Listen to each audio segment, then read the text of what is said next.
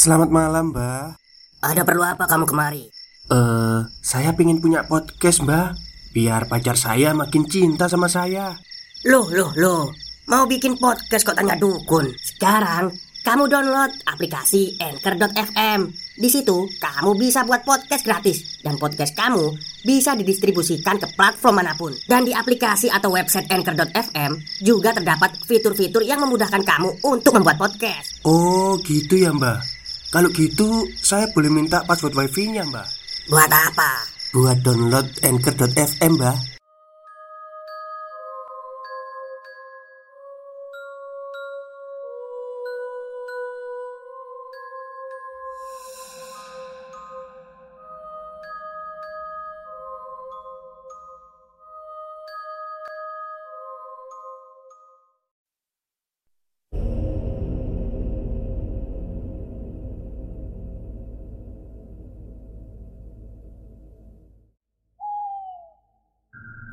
Assalamualaikum warahmatullahi wabarakatuh. Halo semuanya Jumpa lagi dengan saya Chow Sing Sing Kurator dari Podcast Horror Night Story.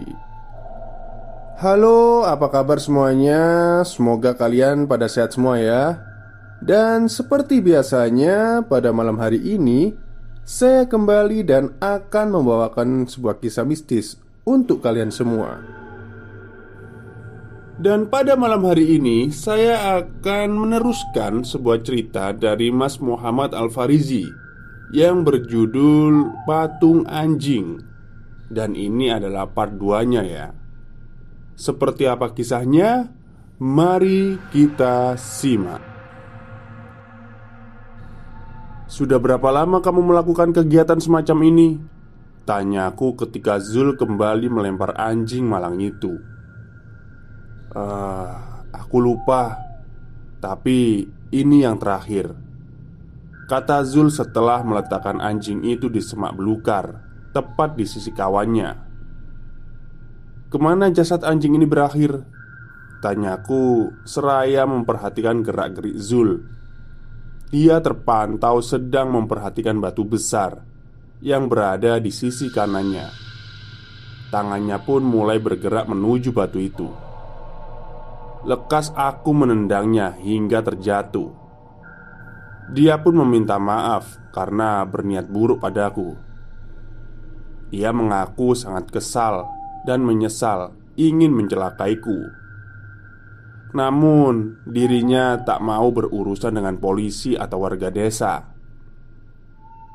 Kalau warga desa mengetahui kelakuan buruk ini, maka bukan hanya dia yang menerima imbas, tapi keluarganya juga. Asuga sangat sakit hati dengan kekasihnya, tapi juga sangat mengharapkan kepulangannya. Dia selalu menyiksa, lalu membunuh anjing setelah setahun pemberian kekasihnya. Dia tak segan mengeluarkan banyak uang untuk membeli anjing-anjing yang kemudian disiksa dan dibunuh. Aku selalu dijadikan ahli seni untuk mengubah jasad anjing sebagai patung.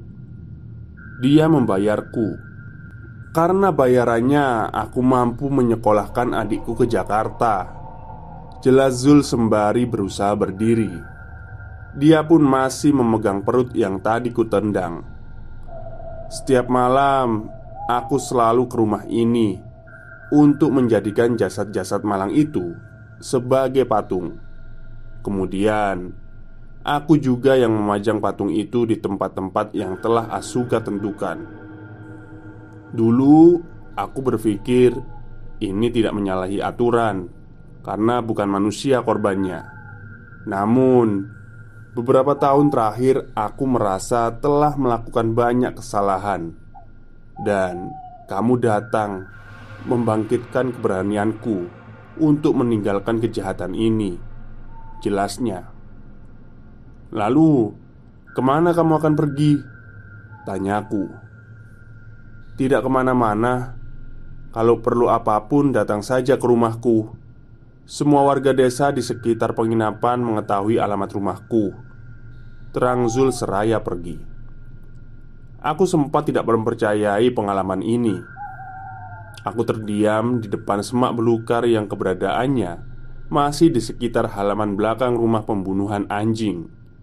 Aku berlutut dan bertanya-tanya sendiri, "Mengapa aku harus mengetahui hal-hal macam ini?" Tanyaku seraya menunduk.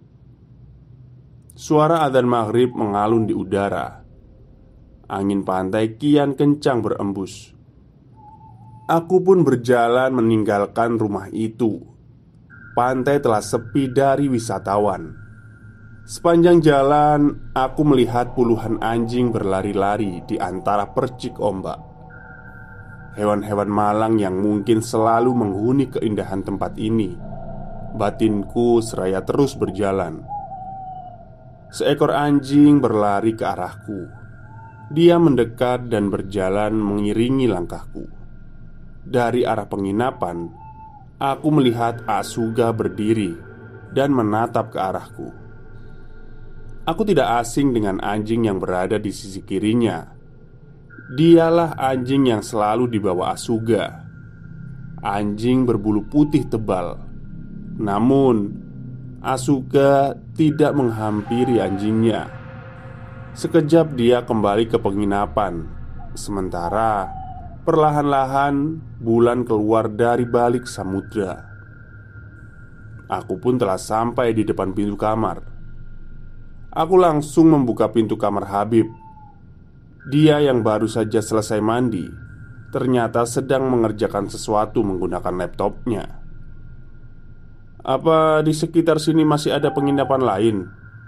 Tanyaku seraya duduk di kursi Hmm, emang kenapa? Cuma di sini yang ombaknya besar dan pantainya bagus. Lagi pula, besok kita udah nggak di sini. Jawab Habib sambil mengetik. Tidak mungkin aku menjelaskan peristiwa pembunuhan anjing. Dia pasti tidak percaya. Aku mulai gelisah. Dalam situasi seperti ini, jariku pun memainkan bunyi di meja kayu. Wah, di sini banyak anjing. Aku merasa kurang nyaman. Jawabku mencoba meyakinkannya, tapi dia tetap pada pendiriannya. Besok pagi kami baru meninggalkan penginapan. Tidak ada pilihan lain kecuali masuk kamar lalu mandi. Aku pun berusaha tidak memikirkan peristiwa sore tadi. Sayang, tempat ini tidak mengakomodir sinyal ponselku. Ingin membaca buku namun sama sekali tidak ada yang kubawa Aku menarik nafas panjang Kemudian aku berdiri dan melangkah untuk membuka gagang pintu. Dari ruang kamarku terlihat ramai Para turis sedang menikmati makanan dan minuman. Selain itu Aku melihat beberapa turis sedang berendam di kolam renang. Begitu dengan sepupuku. Dia sedang duduk di kursi gantung yang keberadaannya tepat di kolam renang. Seolah tempat ini tidak menampakkan kejanggalan. Tentu saja, bagi yang tidak mengetahui, puluhan anjing telah mati di tangan perempuan dan dijadikannya patung. Aku menggugurkan keinginan untuk makan malam. Selera makanku tiba-tiba hilang, tapi masih belum mengantuk. Makanya, aku melangkah ke pantai untuk menikmati udara malam sembari memandang bulan. Tepat saat berada di ujung lorong, aku memegang kepala patung anjing. Aku berdoa agar tempat ini tidak menerima kutukan atas perilaku buruk pemilik dan pengolahnya. Setelah itu, aku pun menuju pantai. Aku sempat memandang ke arah rumah pembunuhan. Rumah itu tidak terlalu gelap. Di pekarangan rumah itu tergantung satu lampu yang sinarnya putih dan cukup terang. Tapi aku enggan ke sana. Meski ini bukan pengalaman pertama, aku masih merasakan kengerian jika bertemu dengan sosok gaib yang ada di sana. Bulan sabit nampak jelas di keluasan langit Indah sekali pemandangan di tepi pantai ini Ditambah debur ombak Sekejap aku melupakan peristiwa sore tadi. Wah, akan lebih nikmat jika sambil meneguk kopi panas. Batinku sembari menggesekkan kedua tangan guna mengusir udara malam di tepi pantai yang cukup dingin. Ketika ingin memutar tubuh, aku melihat seorang perempuan sedang duduk sendiri di tepi pantai. Matanya fokus ke luas samudra. Jauh dari tempatnya duduk, aku melihat ada seekor anjing berbulu tebal, putih. Batinku mengatakan kalau tidak salah lagi, perempuan itu pastilah Asuga. Tak mau kehilangan informasi, aku pun menghampirinya. Sepanjang jalan jantungku berdebar. Aku mewaspadainya. Sore tadi, Aku melihat dia hampir melukai Zul. Selain itu, dia terbiasa menyiksa hewan, dan itu berlangsung terus-menerus secara bertahun-tahun. "Apa yang kamu lakukan di sini?" tanyaku yang berada kira-kira 3 meter di sisi kanannya. "Oh, kamu. Kenapa tidak pergi dan melapor polisi?" jawabnya. "Hmm, mungkin besok," jawabku singkat. Entah kenapa, aku merasa ada sesuatu yang sangat menyayat perasaan perempuan itu. Wajahnya yang datar, meski dia sempat menyisir rambut menggunakan tangan kanannya, tak tersenyum dan juga bersedih. Dia seperti merenungi sesuatu. "Kenapa kamu membunuh lalu menjadikan jasad anjing sebagai patung?" Tanyaku masih berdiri. "Apa alasannya penting bagimu?" Dan kalau aku sampai di penjara karena itu, apa kamu senang? Jawabnya, Aku bukan penegak hukum yang bisa memenjarakan orang. Aku hanya ingin mengetahui seluk-beluk peristiwa yang telah terjadi, dan aku ada di dalam ini. Jawabku, "Kamu orang asing, tapi aku merasa perlu menceritakan banyak hal dengan orang lain." Aku tidak mau merasa sendiri dalam menghadapi kegilaan hidup ini Katanya. Aku sangat mencintai seorang laki-laki. Dia mengajarkanku cara mencintai diri sendiri. Dia juga yang mengajarkanku Untuk memaafkan kesalahan orang lain Jelasnya. Aku pergi meninggalkan ayah Rumah juga negaraku. Ayahku baik dia menyekolahkanku, tapi dia senang mabuk dan bermain banyak perempuan. Setiap pagi saat aku merapikan rumah, aku selalu melihat ke dalam kamarnya. Di sana aku melihat dia sedang tidur setengah telanjang, kadang dengan satu wanita, kadang juga dengan dua bahkan tiga wanita. Selain itu, selalu berserakan botol minuman alkohol. Dan itu berlangsung sejak aku berusia 14 sampai 23 tahun. Jelas Asuka lagi. Ibuku bunuh diri di perlintasan kereta karena saat pulang kerja dia melihat ayahku keluar dari tempat prostitusi dan sedang bermesraan dengan perempuan. Ibuku juga sudah curiga dengan ayah yang sering tidak pulang dan menjual barang-barang berharga. Yang aku tahu, ibulah yang bekerja, sedangkan ayah hanya hidup dari peninggalan orang tuanya. Hingga bisnis kakekku itu bangkrut karena uangnya selalu digunakan ayah untuk foya-foya. Sedangkan ibuku meninggal saat usiaku 13 tahun. Aku sudah mencoba hidup dalam ketidaksukaan selama lima tahun Hingga aku muak dengan ayahku. Malam itu Dia mabuk dan pulang. Aku membukakan pintu dan membopongnya ke dalam kamar. Saat merebahkan di kasur Dia meracau Dan matanya setengah terpejam. Stop, stop. Kita break sebentar. Jadi gimana? Kalian pengen punya podcast seperti saya? Jangan pakai dukun, pakai anchor, download sekarang juga gratis. Malam itu dia tidak membawa wanita Mungkin kehabisan uang. Ayahku yang mabuk pun ingin meniduriku. Aku yang sudah sejak lama merasa jijik dengan kelakuannya Langsung pergi dan menutup kamar. Aku merapikan baju Dan aku tidur di hotel dekat bandara Di sana aku memesan tiket penerbangan Ujar Asuga Aku ingin menenangkan diri di suatu pulau yang tidak begitu banyak dikunjungi wisatawan. Aku mencari-cari, ternyata muncul tempat ini. Di sini satu bulan aku menetap. Aku bertemu dengan seorang laki-laki. Aku bertemu dengannya saat sedang bermain dengan seekor anjing. Tapi bukan itu, katanya seraya menunjuk anjing berbulu putih tebal. Dia menolongku saat aku terjatuh. Dia mengobati luka di kakiku. Malam itu juga aku merasa nyaman berada di sisinya. Keesokan harinya, dia mengajakku bermain di tepi pantai.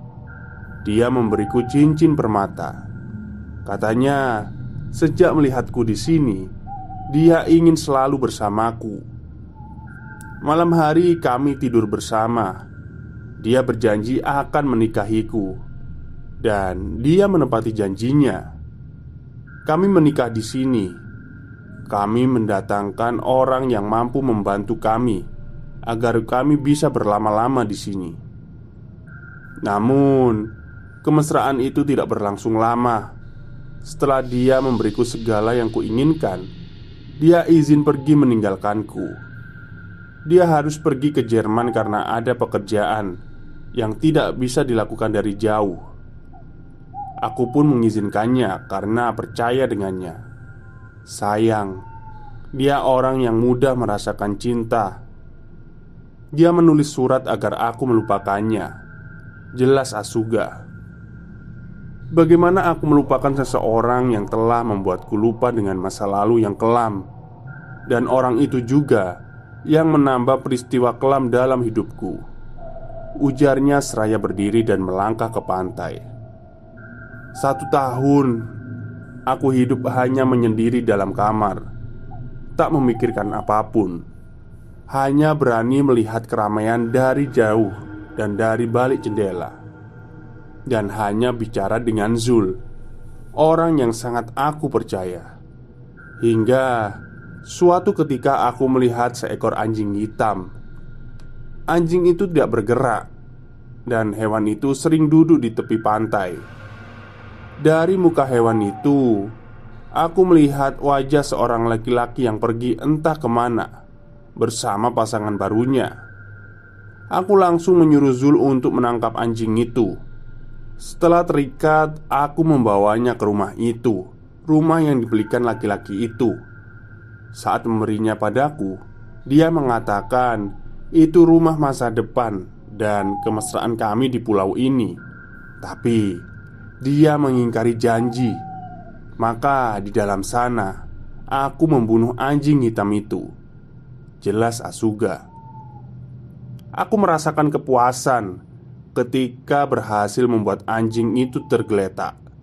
Dan tentang patung anjing itu, aku sengaja menjadikan jasad anjing sebagai patung agar dapat menertawakan ketidakberdayaan.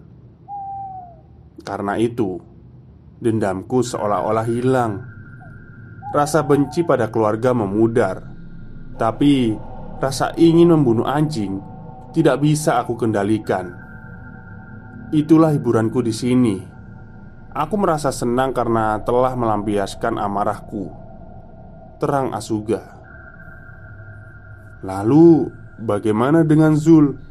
Bagaimana dia mau menuruti kata-katamu untuk membersihkan darah hingga menjadikan jasad anjing sebagai patung? Tanyaku seraya berjalan agak mendekatinya. Dia perlu uang untuk menyekolahkan adik-adiknya. Karena itu, dia tidak menolak perintahku.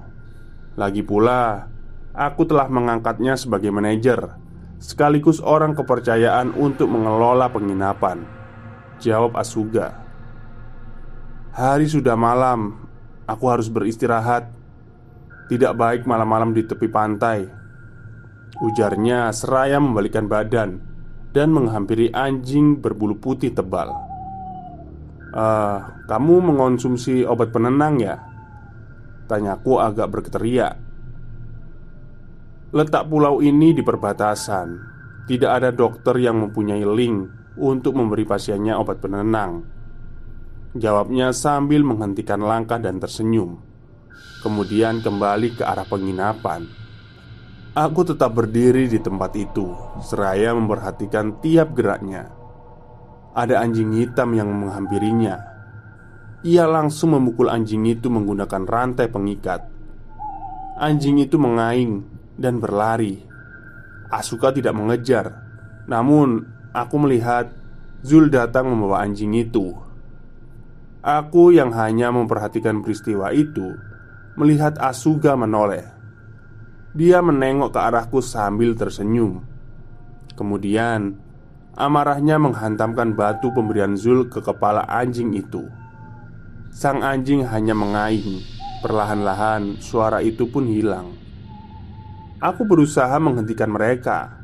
Tapi Entah kenapa tanganku ini menembus tubuh Asuga dan Zul. Aku berusaha menendang ketika mereka ingin menghujam perut anjing itu. Tapi lagi-lagi tidak bisa. Mereka hanya menertawakanku yang sedari tadi berteriak memohon agar darah anjing itu tidak mengalir. Asuga dan Zul pun menyantap isi perut anjing itu tanpa dimasak dan masih berlumur darah. Mereka terlihat lahap mengunyah usus dan jantung. Aku juga melihat puluhan anjing mengelilingi mereka. Anjing-anjing itu berjalan berputar-putar. Beberapa detik setelah Asuga dan Zul berhenti mengunyah, anjing-anjing itu duduk melingkari mereka. Asuga dan Zul seperti ada yang menjegal. Mereka berdua pun jatuh. Puluhan anjing itu menjilat-jilat tubuh mereka, tapi Asuga dan Zul tidak bergerak sama sekali. Angin pun berhembus cukup kencang Sinar bulan tenggelam di dasar samudra Aku terbangun dari mimpi buruk Sekujur tubuhku berkeringat dan pakaian pun basah. Aku berjalan ke meja untuk melihat waktu. Setelah mengetahui sudah menjelang subuh Aku pun bergegas mandi. Sinar pagi telah nampak dari balik jendela. Habib pun telah memanggilku.